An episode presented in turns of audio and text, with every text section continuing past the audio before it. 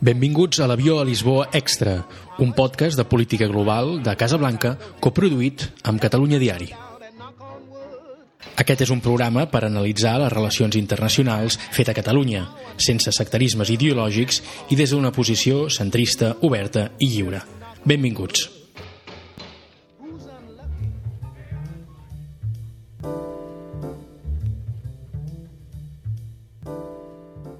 Anem eh, de patac, anem de, de cop al gra. Eh, ens acompanyen en Pep Puig i en Jordi Oliver. En Pep Puig és doctor en enginyeria industrial, té una llarga trajectòria al sector privat, per exemple, president de, de Som Energia, que actualment té més de 100.000 contractes d'electricitat verda a Catalunya. Actualment és diputat independent del grup de Junts per Catalunya al Parlament, és fundador dels Verds Alternativa Verda i va ser també candidat a primàries a Barcelona. En Jordi Oliver és doctor en Ciències Ambientals, MBA per ESADE, i és soci fundador i CEO d'Inèdit, que és un estudi de coinnovació estratègica, i també és autor i investigador universitari. Gràcies per, per acompanyar-nos. Avui mirem d'analitzar la geoestratègia i el canvi climàtic. Eh, quins, de quins canvis parlem quan parlem de canvi climàtic? Home, bàsicament d'uns canvis que s'han mesurat i és, per exemple, les concentracions de diòxid de carboni a l'atmosfera que és una concentració que durant milers d'anys no hi havia sigut. O sigui, estem fent un experiment eh, geoquímic, biològic, que no en sabem les conseqüències. En veiem, de moment, algunes, però podem tenir moltes sorpreses en el futur, perquè no... Aquestes concentracions de diòxid de carboni no es havien donat en aquest planeta en milions d'anys. Mm -hmm i quan estem veient aquests desastres naturals eh, estan sent cada vegada més devastadors, més constants. Eh, és veritat que el canvi climàtic podia semblar una cosa, un avís llunyà, sobretot per part dels ecologistes de primera hora, i que ara és quan la societat ha pres col·lectivament consciència de com això ens afectarà en el dia a dia i per tant això està tenint doncs, efecte en la manera que consumim o, o com a mínim en la consciència també de les generacions més joves a Europa, sobretot. Jo crec que en gran mesura. Ara estem veient primer, les primeres conseqüències del canvi climàtic, s'està fent més, més palès, potser és més evident que això que abans on sortia els llibres ens explicava doncs és, va de debò, però malgrat el protocol de Kyoto de l'any 97, l'acord de París l'any 2016, les emissions de gasos amb efecte hivernacle segueixen augmentant i ja són 10 vegades superiors a les de fa un segle. Uh mhm. -huh. I com deia en Pep, doncs eh, estem amb unes concentracions que no s'havien vist en els darrers 3 milions d'anys. I per tant estem fent un, és un canvi de canvis, perquè aquest canvi climàtic comportarà doncs, canvis doncs, que ja se'n parla no? doncs, de, del nivell dels oceans, però no només el nivell dels oceans, l'acidificació, l'afectació que té sobre sobre, la biodiversitat eh, marina, eh, l'afectació dels corrents també, doncs, aquest estiu hi havia una notícia doncs, de, de la NASA en el que alertava que al sud de Groenlàndia i entre eh, Estats Units i les illes britàniques doncs, hi havia un punt en què les temperatures no, no eren més càlides sinó més fredes i que això doncs, és un, una alerta de que el corrent del Golf, que és el corrent que puja doncs, dels tròpics i escalfa eh, a Europa, doncs, eh, pot ser que s'estigui ralentitzant. No? Llavors estem entrant en uns conflictes d'escalfament, però que pot ser doncs, que tinguin conseqüències que ara mateix doncs, són difícils de preveure, sobretot la, la, la velocitat del canvi. Mm -hmm. Aquí el canvi està clar per on anirà, però el que és realment preocupant és la velocitat amb aquest canvi que aquest canvi està tenint, no? perquè dificulta molt la capacitat d'adaptació.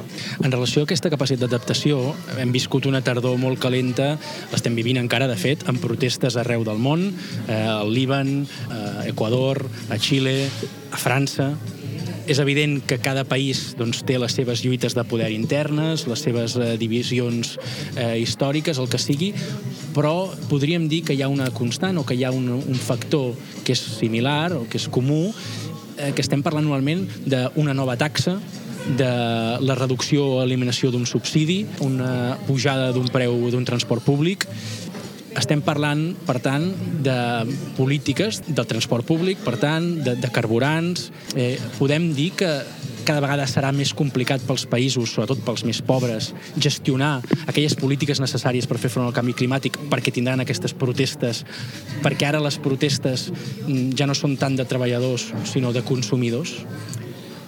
Bàsicament, el problema que hi ha, i que hem heredat del segle passat, és que durant el segle passat es va fer a totes les societats molt dependents d'obtenir energia a base de cremar combustibles fòssils. I això s'ha afavorit a base de molts subsidis, directes i indirectes. En el moment que les vaques grasses disminueixen, es retallen aquests subsidis, amb el qual crees el problema. Llavors, el problema és d'absoluta dependència de moltes societats de tenir energia a base de cremar combustibles fòssils. Per tant, totes aquelles societats que siguin incapaces de fer una transició cap a disposar d'energia sense necessitat de cremar, probablement ho passin molt malament perquè és que no tenen sortida, entens? Llavors, per aquí ve la importància de fer una transició cap al 100% renovable el més aviat possible. Però com els països rics que hem fet el mateix pas eh, podem ara exigir uns nivells d'evolució que no, si no es tracta d'exigir, es tracta de que avui dia, uh -huh. si tu vols disposar d'energia, és més barat fer-ho amb energies renovables que no pas cremant combustibles fòssils. Això ja econòmicament és així. Sí, sí. Per tant, es això, tracta... ja ho, això ja ho anunciaven a la Casa Blanca als anys 80. Vull dir. No, no, però llavors no era veritat. Ah, ara, ara ho és. Llavors no era veritat. El mercat ja ho ha demostrat. Uh -huh. Fixa't que les grans instal·lacions de generació que es fan avui dia al món, sigui a països del primer món, del segon o del tercer, uh -huh. són a base d'energia solar i energia eòlica. Per una única raó, perquè és el més barat que hi ha en el mercat. Per tant, tots aquells països que, siguin, que tinguin recança a fer aquesta transició ho passaran molt malament. Uh -huh. I això tant és que sigui del nord com sigui del sud, perquè aquí també se subsidia els combustibles fòssils. Uh -huh. Exacte, i són aquests mateixos subsidis sí els que envien un senyal erroni de mercat, és a dir, els, els preus estan adulterats. Uh -huh. I, per tant, la decisió de compra i de, de producció i de consum no ve marcada per allò que és desitjable, sinó per allò que, doncs, per un preu que no, que no indica realment quin és el preu real, el cost real de, de produir. Si estem parlant del canvi climàtic, al final és una externalitat d'un sistema de producció i consum. És a dir, és un, és un cost que no està reflectit en les comptes d'explotació, no està reflectit en els preus que paguem per les coses. I, per tant, eh, la manera d'internalitzar aquests costos és a través de taxes d'impostos pigubians, mm -hmm. no? que agafen aquest cost i el posen, el repercuteixen sobre el, el producte o el servei que s'està posant mm -hmm. en el mercat no necessàriament això vol dir que siguin unes taxes que hagin de ser recaptatòries. És a dir, un, un cop tu has enviat aquest senyal, eh, ja hi ha fins i tot economistes conservadors que el que estan proposant és retornar aquesta recaptació en forma de xecs, en forma doncs, d'aportació directa a les famílies. És a dir, un, un cop tu has aconseguit que el producte o el servei que estàs comprant ja incorpori, internalitzi els costos del canvi climàtic, després aquesta recaptació no, necessita, no necessàriament és un, una captura que fa l'Estat de les rendes dels ciutadans, sinó que pot ser retornat, no? perquè l'efecte ja, està, ja està fet. Hi ha, hi, ha, hi ha molts estudis que inclús demostren que no fer front als problemes que genera eh, el tema climàtic pot ser molt més car que no pas fer-hi front.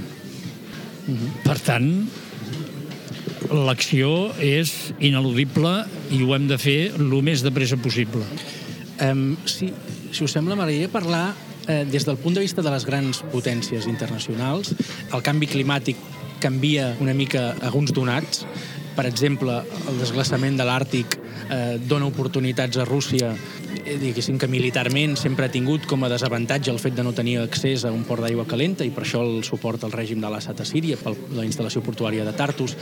El desglàs de l'Àrtic està obrint allà un, un nou oceà un operatiu, diguéssim, i a més a més eh, li dona accés a nous recursos eh, naturals que, que ara no hi tenia accés. Això pot voler dir que Rússia té un incentiu de no fer massa res per aturar les conseqüències del canvi climàtic i, eh, Jordi, tu publicaves un article no fa gaire sobre eh, l'intent de, de compra de Groenlàndia per part de Trump. Aquí també estem eh, amb aquesta pugna entre dues grans potències pel control d'aquestes noves rutes marítimes eh, comercials eh, a l'Àrtic? Sí, de fet, um, l'Àrtic és un dels protagonistes d'aquest desgel, d'aquest escalfament del planeta i que possibilita doncs, eh, obrir, com deies, doncs, noves rutes comercials, no només militars, sinó també també comercials. Per tant, la Xina també entra en joc, eh, mm. que ara mateix doncs, les seus principals les exportacions que arriben doncs, a Europa i a l'Atlàntic doncs, fan a través de l'estret de, de Malacca, el canal de Suez, Mediterrani, i van, van en aquesta ruta, que posa Barcelona també en el centre no? d'una possible doncs, ruta marítima, però el fet de que l'Àrtic s'estigui eh, eh, desfent, desgelant i per tant possibilitant noves rutes fa que eh, la Xina pugui evacuar també la seva producció pel nord, per l'estret de Bering, i arribar doncs, al nord d'Europa i a l'Atlàntic per una altra via, que Barcelona la deixa fora de joc completament, que és una ruta més segura i més ràpida. Um, I per tant, sí, quan, quan Trump proposava aquest estiu a través d'un tuit, no? una cosa una mica estranya, posar-se a comprar l'illa més gran del món a través d'un tuit, um, doncs el que estava fent era en certa manera, intentar guanyar una posició geoestratègica privilegiada sobre aquesta ruta àrtica, però també fer-se amb el control dels recursos, com sobre els òxids de terres rares, que estan presents a Groenlàndia. No? La indústria electrònica digital necessita aquests elements eh, i es calcula que Groenlàndia té uns 40 milions de tones d'òxids de, de terres rares, mentre que a la resta del món hi ha uns 120 milions, uh -huh. que principalment estan controlats ja per la Xina, a l'Àfrica o a la pròpia, a la pròpia Xina. No? Uh -huh. Per tant, sí, el, el canvi climàtic, aquesta economia d'usar i llançar, aquest consum que no té en compte que les conseqüències climàtiques, s'està, en certa manera, alimentant o està obrint noves rutes comercials i està obrint també l'accés a jaciments que fins ara no eren accessibles. I ens trobarem que això anirà més per aquesta pugna pel predomini tecnològic, no? És a dir, l'accés a aquests recursos naturals serà bàsic per l'economia sí, del però futur. Fixa't, però fixa't que en l'economia actual, per poder accedir a tots aquests recursos, es necessita petroli. I justament és el que no podem continuar cremant. Per tant, ens podem trobar amb un escenari de reducció d'emissions que obligui a no cremar més petroli, amb la qual pots tenir les rutes que vulguis, però si no pots transportar coses d'un lloc a l'altre cremant petroli, a banda que hi ha altres aspectes, això que deies de Rússia, Rússia, que és un dels països més extensos de la, de la Terra, té tota la zona de Sibèria, uh -huh. on hi ha congelats hidrats de matar a l'escalfar-se tot això s'allibera. Uh -huh. Ja hi han fotos de bombolles de metà sortint de sota terra i el metà és un gas d'efecte hivernacle 100 vegades, amb potencial d'hivernacle de l'ordre de 100 vegades superior al CO2. Per tant, podem desencadenar efectes de retroalimentació que poden portar-nos a escenaris dantescos. Així de simple. Uh -huh. Per tant, posa uns nous reptes que no ens havíem imaginat. Passa que tenint en compte l'històric rus, no només pel, pel que ara s'ha ha tornat a posar-se de moda amb la sèrie aquesta de Txernòbil, no? de, de, la, de la mala praxis en el seu moment, no sabem si les estructures russes han canviat molt més i si també estan mirant cap a una altra banda, perquè estan més centrats en els interessos militars que no pas en, en, aquesta, en aquest escenari que, que comentava. Això ho anirem veient amb el temps, es anirà veient en el temps, però vull dir, si hi ha acords mundials per reduir les emissions, en principi els països els han de complir i suposo que s'acabarà que si no els compleixen rebran sancions. Vull dir, això són escenaris que ja els anirem veient en el futur. Què n'opineu justament d'això, de, de, de tots aquests acords eh, i cimeres internacionals pel clima que se'n parla durant les setmanes quan és el cas de, no, de París és l'últim, no? Això s'acaba complint? Això, això, això és útil? Fins ara no ha donat resultats. No vol dir que no sigui, no vol dir que no sigui útil, perquè sens, sens dubte eh, aquests acords doncs, comprometen la comunitat internacional amb l'acord adoptat i per tant doncs, eh, en aquest sentit doncs, és important que hi siguin. I ho posen a l'agenda, diguéssim. El fet que no tinguin mecanismes sancionadors eh, o, o prou potents, el fet doncs, que sigui una qüestió d'abordar una problemàtica global uh -huh. uh, i no tinguem un govern global, perquè les Nacions Unides, per, per molts motius, doncs està, fa aigües per tot arreu, també en la qüestió climàtica, doncs fa que no complim aquests acords, al final surt, surt gratis. I per tant, doncs, uh, fins ara no hem vist cap incidència real d'aquests acords en la reducció d'emissions. Al final han sigut les reduccions que s'han duat a terme han sigut més aviat contextuals per crisis econòmiques, per altres motius que no sigui directament les polítiques eh, diguéssim, eh, decidides per reduir les emissions eh, dels països. Uh -huh. Sí, però fixa't que hi ha experiències prèvies que demostren que els acords internacionals poden funcionar.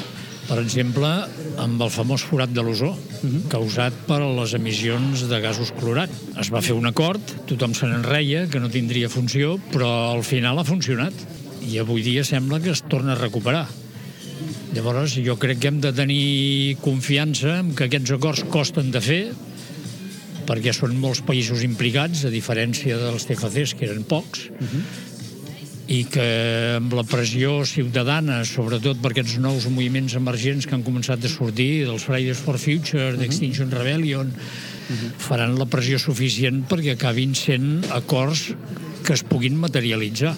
Per això fixa't que els acords internacionals posen marcs globals, però ens afecten a tots. Uh -huh. perquè tots, més o menys, cremem més o menys combustibles fòssils. Per tant, no es tracta tant d'esperar que algú de dalt digui això o faci, sinó dir, escolti, ens afecta a tots, potser que comencem a canviar.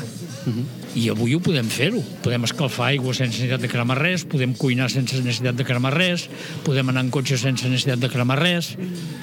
Vull dir, tot això és el que hem de fer que s'acceleri al màxim perquè tots plegats decidim abandonar l'economia petroliera i de combustibles fòssils, que és el que hem de fer. M'agradaria acabar amb un to eh, positiu no? i esperançador, però abans, per tocar l'últim tema, tots aquests efectes també tindran un impacte en els fluxos migratoris. És a dir, la pujada de l'aigua farà que les illes més petites del Pacífic o de l'oceà Índic des, pràcticament desapareixin, que això generarà doncs, inclús un dilema legal, no? que fem aquests ciutadans que el seu país ha desaparegut i que s'han de refugiar, eh, no només les illes, sinó països costaners i baixos, com el propi Bangladesh, eh, que de fet ja ha hagut d'acollir refugiats de roïnyes de, de, de, de Myanmar. És a dir, eh, de la mateixa manera que Europa, precisament ara, estem veient com Erdogan de Turquia eh, fa un xantatge a Europa amb els refugiats de Síria, a mesura que hi hagin més desplaçats per causes climàtiques, això també generarà moltes més tensions a nivell domèstic i a nivell de, de les negociacions internacionals. Com, com ho veieu, això? A veure, jo crec que això ens dona l'oportunitat de superar una mica les estructures polítiques que hem heredat del segle passat. I hem heredat uns estats-nació que fan unes determinades funcions, però que són incapaços de fer front als reptes del segle XXI. Per tant, aquí hi ha molta innovació a fer de social i política, de dir com abordem això des del punt de vista de que tots som humans i hem de compartir aquest planeta, ens agradi o no ens agradi, i els seus recursos. Per tant, això representarà canvis molt contundents en els propers anys. Jo ho veig així. Jordi? Sí, és a dir, um, dels canvis que parlàvem inicialment, no, no, no només això que des de l'augment del límit del mar, però també la, la desertització. Estem parlant de vegades, eh, com, quan parlem de, de moviments migratoris, estem pensant doncs, de sud al nord, uh mhm. -huh. però no pensem a casa nostra. És a dir, també a casa nostra, Europa i la península ibèrica surt afectada en els, en els models de canvi climàtic, surt com un de, sí, sí. de les regions europees més afectades pel canvi climàtic. També pensem, pensem també en moviments eh, migratoris a petita escala a casa nostra, eh? perquè eh, l'agricultura doncs, eh, està seriosament afectada amb el canvi climàtic. Ja els viticultors eh, catalans, algunes, alguns viticultors estan comprant terres més al nord mm -hmm. perquè veuen doncs, que eh, les precipitacions o la, la temperatura farà que els, la seva producció actual on la tenen ubicada no, no serà idònia d'aquí un temps i per tant doncs, desplaçar cultius, això és desplaçar indústria, desplaçar el turisme també serà desplaçat i per tant potser el, el sol i platja que hem hagut fins ara doncs, ja, ja no tindrà més recorregut o estarà el sol i platja platja estarà al, al sud d'Anglaterra, no? Tindrem un desplaçament cap al nord d'aquestes pràctiques i, per tant, no, no són només moments migratoris com els que ara potser ens venen a la ment, no? Del, del, del nord d'Àfrica, països del Magreb, cap a, cap a, cap a Europa, sinó dins, pròpiament d'Europa i dins de, de Catalunya, dins de, sí, sí. Doncs que també viurem uns, uns moviments que fins ara no hem viscut i que, per tant, eh, ens hem de preparar també per, per adaptar-nos a aquestes noves circumstàncies amb una indústria i amb una economia molt més resilient, molt més preparada per aquest canvi. De fet, eh, vam fer un programa eh, sobre la política alemanya i allà destacàvem que cada vegada més els verds estan consolidant com a una futurible primera força fins i tot, segons algunes enquestes, i que com a contrapartida l'extrema dreta doncs, també està tenint eh, doncs, molta força, especialment a les regions més de l'est. No? No sé si volíeu dir alguna cosa més. I no sé si sou, esteu gaire esperançats amb, amb el lideratge de les ciutats eh, respecte eh, al tema de la mobilitat eh, no contaminant o, o fins i tot, eh, avui llegia un article sobre Jeff Bezos, el fundador d'Amazon, i com ell doncs, es, diuen doncs, un, un gran ecologista, i no ho sabem, però que ell imagina doncs, com colonitzarem l'espai i farem que el planeta acabi sent doncs, una espècie de reserva natural immensa. No? Això com a, com a ciència-ficció està molt bé, però en qualsevol cas, eh, vosaltres sou, esteu esperançats amb aquest lideratge de, de les ciutats que poden fer per anar introduint aquests, aquests canvis, com per exemple a la campanya municipal es parlava del, del peatge de, de congestió, però, però encara sembla que, que costa molt i que les ciutats tampoc no estan tenint el lideratge que haurien de tenir, potser. Les ciutats del nostre entorn potser no, però jo crec que hi ha moltes ciutats al món que s'ho prenen en sèrio uh -huh. i que els compromisos que fan els compleixen sobretot de reducció d'emissions. Vull dir, agafem diverses ciutats nòrdiques uh -huh. i estan a anys llum del que podem estar nosaltres. Llavors vol dir que les ciutats poden jugar un paper, però aquí en el sud d'Europa, on ens hem concentrat bona part de la població a les zones urbanes, tenim un problema, que hem fet ciutats absolutament dependents dels combustibles fòssils. Llavors aquí hi haurà necessitat d'establir acords entre zones urbanes i zones rurals de forma que les zones rurals puguin ser proveïdors, igual que ho són d'aliments, puguin ser proveïdors d'energia. Però, esclar, això ha de amb unes condicions de bescanvi no desigual, sinó igualitari. És a dir, que si hi ha zones rurals que proveeixen d'energia a les zones urbanes, en sortim beneficiats de les zones rurals, no sigui una extracció de plusvalua de les zones rurals cap a les zones urbanes, que és el que ha passat tradicionalment. Llavors aquí hem d'imaginar noves polítiques on recompensem o reequilibrem el territori, perquè les, les, les energies renovables necessiten espai per produir-les.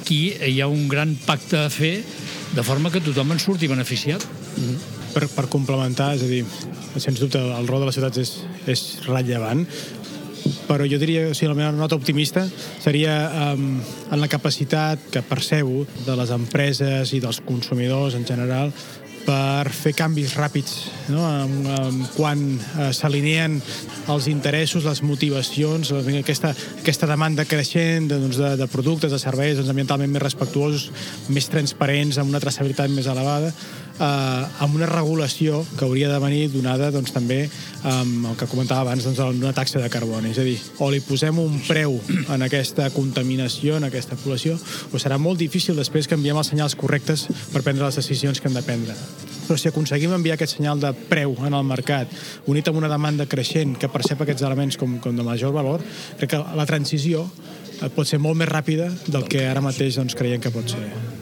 Molt bé, doncs eh, Pep, Jordi, moltíssimes gràcies per ser a l'avió a Lisboa, per parlar de canvi climàtic i de geoestratègia. Ara deixem els oients amb la segona part del programa eh, per parlar amb en John Sindreu del Wall Street Journal sobre la guerra comercial entre els Estats Units i la Xina, aquest predomini tecnològic i, i, i també de la contaminació i com això afecta també a la Xina. Moltes gràcies. Gràcies, gràcies. a vosaltres.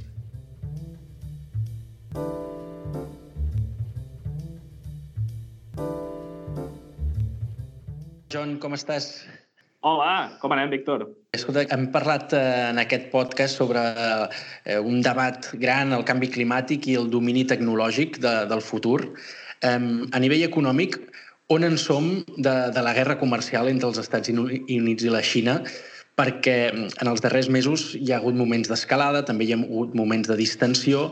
Eh, ara en quin moment estem?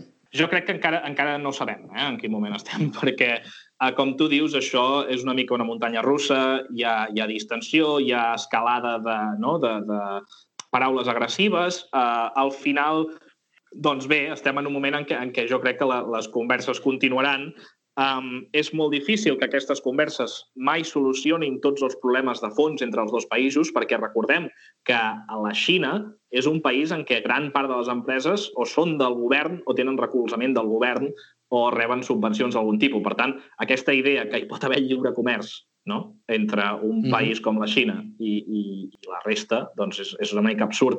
Que, de fet, ja és una mica absurd en general, eh? perquè tant com es, queixa, eh, es queixen ara de la Xina, pràcticament tots els països del món eh, han arribat al seu nivell de desenvolupament en proteccionisme. Segurament no al nivell de la Xina, però la promoció de les empreses claus i dels sectors estratègics sempre ha estat la manera en què els països s'han desenvolupat uh, de la mateixa manera que ara ho intenta la Xina. No? Per tant, jo crec que mai tindrem una resolució pròpiament, però sí que, uh, i això és una cosa que molts inversors creuen, a mesura que s'acosti uh, la cita electoral uh, doncs, de l'any vinent, uh, hi haurà un moment en què és molt probable que el govern dels Estats Units doncs, li convingui uh, treure la bandera d'alguna victòria no? i que, per tant, acabem una mica uh, arribant a algun tipus d'acord que com a mínim temporalment sembla o que sembli que, que redueix les hostilitats. Uh -huh. en, en vam parlar una mica quan, quan vam fer el programa eh, sobre Alemanya, però aquí hi ha una paradoxa, oi? És a dir, el creixement sostingut de la Xina ha preocupat durant anys els seus competidors i ara, justament, aquest creixement que va estimular l'economia mundial, ara la preocupació seria la inversa, no? que deixi d'estirar el carro.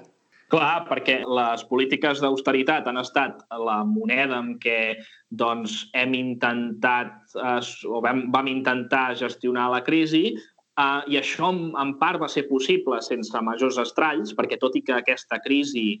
Uh, si, per exemple, un, un exercici interessant és, és comparar aquesta crisi amb la Gran Depressió dels anys 20.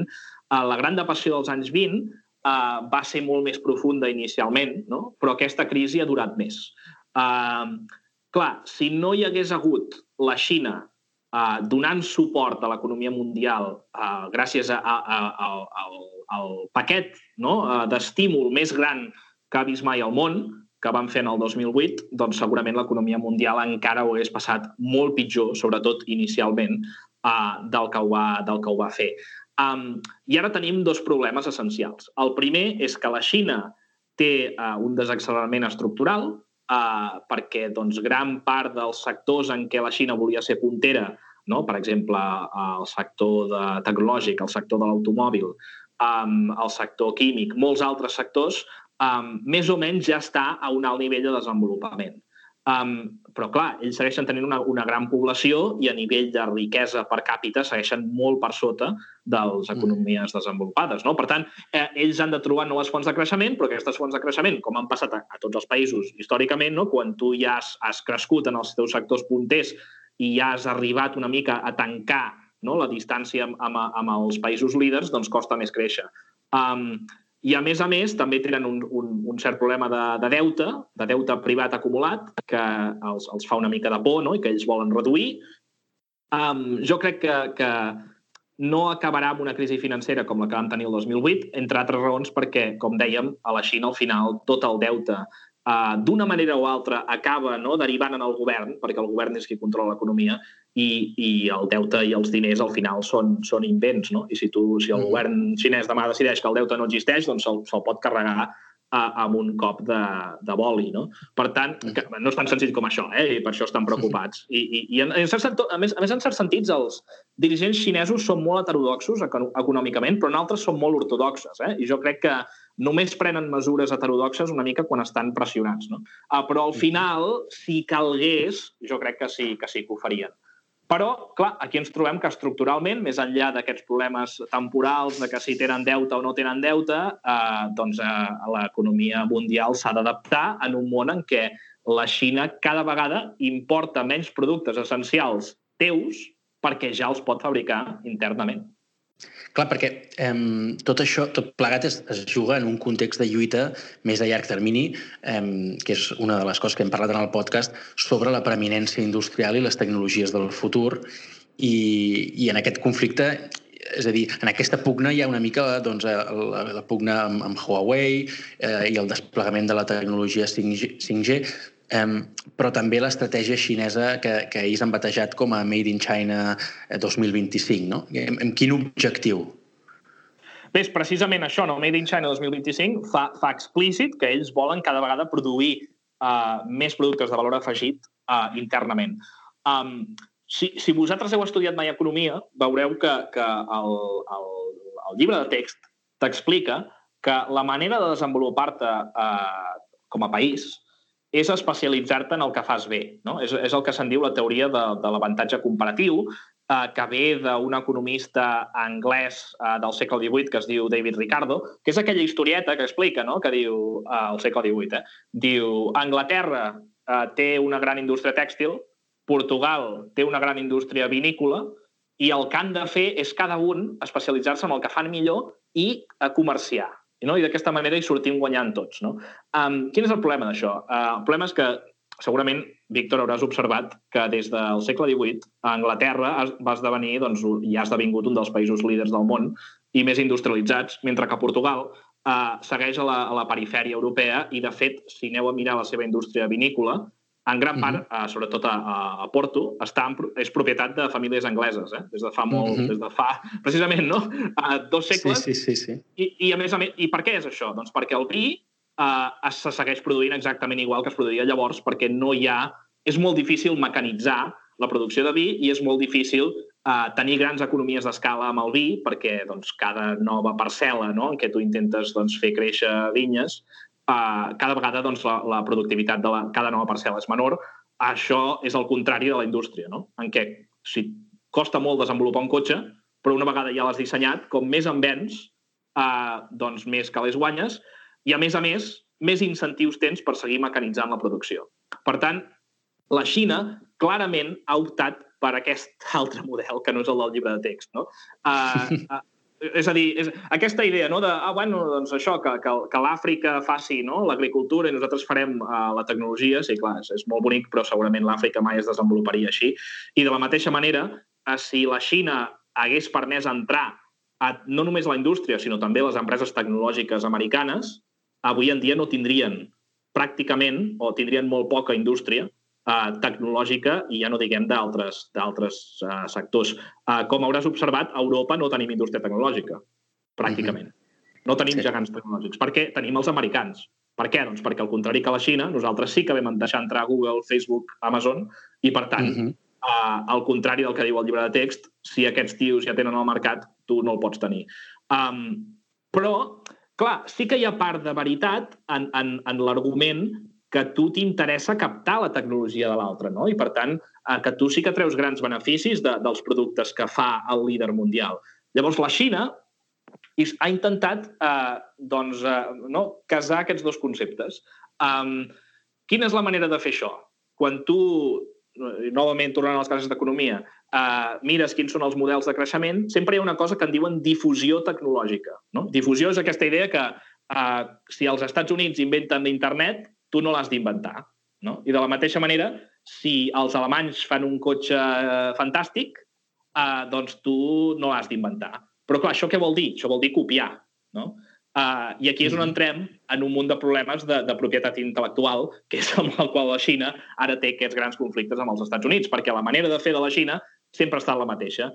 Tu deixes que les empreses occidentals entrin al país amb el que se'n diu una joint venture, és a dir, uh mm-hmm. -huh. que facin una empresa comuna a dins del territori xinès amb una empresa xinesa per produir, per exemple, doncs, els, els, els BMWs o el que sigui. No? Ara, ara actualment, doncs, la indústria aeronàutica, per exemple, no? seria la següent, no, la següent frontera que tenen. Um, però, clar, què, què, què, què implica això? Implica que, en el fons, el que tu estàs fent és els estàs fotent la tecnologia. No? els estàs, sí, sí, els sí. estàs robant. A vegades eh, doncs hi ha, hi ha eh, eh, per exemple, els Estats Units acusa, i en molts, en molts casos eh, fefaentment, i la Unió Europea també, els, els xinesos d'espionatge de, industrial, directament, de robar la propietat intel·lectual, um, en molts altres casos no és robar, sinó és simplement uh, tens el producte i, per tant, és molt més difícil de copiar-lo. Per tant, eh, aquí, aquí ens et trobes la paradoxa. Les empreses occidentals tenen a la Xina el major mercat de creixement que mai podrien desitjar, però alhora a Nani estan plantant una mica la, la llavor, eh, jo no sé si de la seva destrucció, però com a mínim sí de la mhm. seva competència. Perquè el que estan... Eh, per tant, és una mica una poma enverinada, no? Tu has d'anar allà perquè és el, el, el, el mercat amb més oportunitats del món i si no hi vas, els teus rivals hi van, si no hi va Airbus, a Boeing hi va, de fet hi van tots dos, um, però alhora tu saps que al final el que els xinesos volen fer és uh, acabar fent avions millor que tu no? I Exacte. això és el que ara estem veient, no? Uh, els xinesos uh, han començat a fabricar un nou avió, que és el, el C919, que doncs s'assembla ja molt en l'Airbus A320 amb què tots volem si anem amb, amb EasyJet o amb Welling uh, i a veure fins on poden arribar. I, i John, per, per acabar, eh, una de les crítiques que es feia eh, des d'Occident és que a nivell ambiental doncs, l'impacte de la Xina és, és, és molt important. Eh, amb aquesta introducció del sistema de punts de les empreses, eh, també veurem una Xina doncs, que alhora que fa tot això que explicaves eh, i que va creixent eh, i fins a convertir-se, o amb el seu objectiu de convertir-se en la primera potència mundial, també una Xina un, un, una mica més compromesa amb la reducció de les emissions? Sí, eh, això és una demanda que, que en cert sentit ve molt de baix, eh? perquè eh, si heu visitat mai la Xina, um, i parleu amb, amb, amb els xinesos, veureu que segurament el concepte de, de democràcia que tenim aquí no és ben bé el que ells tenen. Eh? Per ells democràcia vol dir, uh, vol dir creixement econòmic, benestar i consum. Um, però uh, sí que hi ha un tema en què els xinesos cada vegada s'han sensibilitzat més i que fins i tot el, el Partit Comunista Xinès uh, és conscient que ha d'adreçar, que és la, la, la gegantina uh, pol·lució que fa que sigui molt difícil viure a les grans ciutats uh, xineses en què si passegeu veureu que tothom va amb, amb màscara. Um, mm -hmm. Clar, això, això és un tema que el Partit Comunista sap que ha d'arreglar, que el govern sap que ha d'arreglar, que Xi Jinping sap que ha d'arreglar i, per tant, eh, cada vegada es prenen més passos eh, per intentar, doncs, d'alguna manera fer que la producció xinesa eh, doncs, contamini menys. Eh, no és tant una qüestió del canvi climàtic ni de la coordinació occidental, jo crec que és més una qüestió de que la pròpia ciutadania, jo crec que el Partit Comunista Xinès, que gràcies a aquests altíssims nivells de creixement econòmic eh, doncs ha mantingut el país sota mà de ferro, perquè allò al final és una mm. dictadura, eh, veu que la pol·lució podria ser un, un, un, una mica una escletxa no? per on hi podria haver doncs, un descontentament generalitzat que volen tancar. Perfecte. Eh, Joan, moltíssimes gràcies pels apunts econòmics novament eh, aquí en el podcast. Eh, ens, veiem, ens veiem a la propera. Vinga, vagi bé. Gràcies. Fins ara. Just how lucky. Well, smile up then, and once again, let's not